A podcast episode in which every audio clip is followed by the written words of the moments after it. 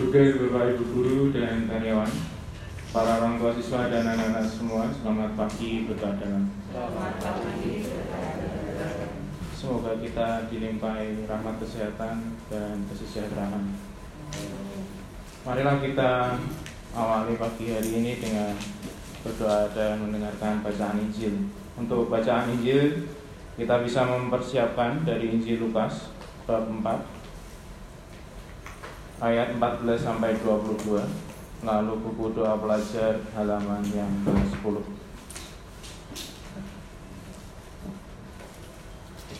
Marilah kita mempersiapkan hati kita. Allah adalah kasih.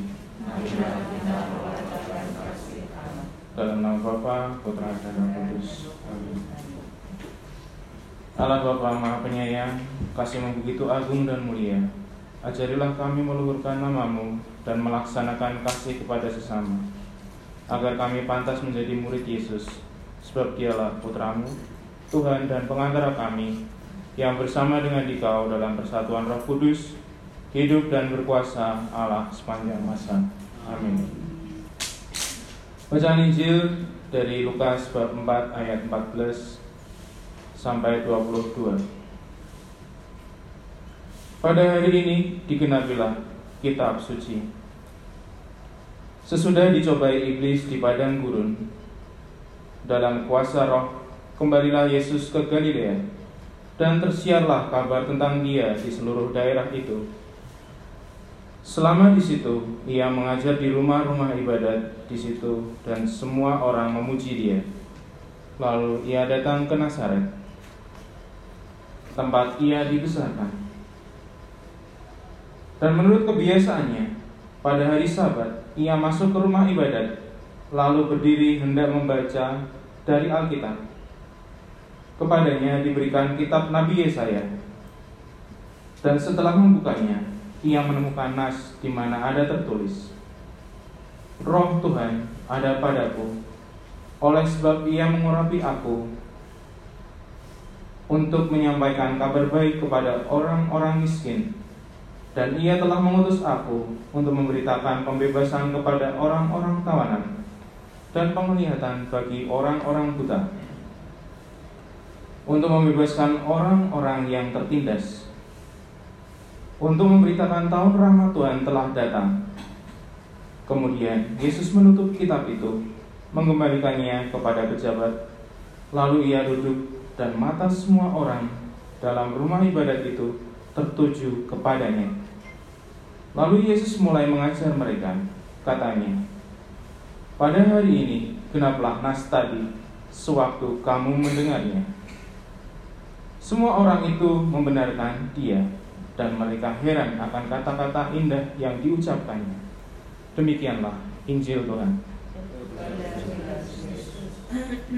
Pada Injil ini kita melihat bahwa Yesus menyatakan dirinya sebagai yang diurapi ia menyampaikan kabar baik bagi orang miskin, pembebasan para tawanan, dan penglihatan bagi orang buta. Pembebasan para orang yang tertindas dan untuk memberitakan tahun rahmat Tuhan telah datang. Namun orang Nazaret mempersoalkan identitas dirinya. Beriman dimulai dari penerimaan identitas Yesus sebagai Mesias. Yesus datang untuk mengenapi nubuat perjanjian lama. Orang-orang Nazaret tidak mampu melihat pribadi ilahi yang ada di dalam diri Yesus. Mereka terpaku pada diri kemanusiaan Yesus saja. Bahwa Yesus besar dan bertumbuh bersama mereka di Nazaret. Untuk alasan itu, Yesus tidak mewahyukan diri lebih lanjut dan pergi dari Nazaret mereka menutup hati terhadap Yesus. Mereka tidak mau mendengarkan pewartaan Yesus. Kita pun kadang seperti orang-orang Nazaret yang menilai seseorang hanya dari identitas dirinya.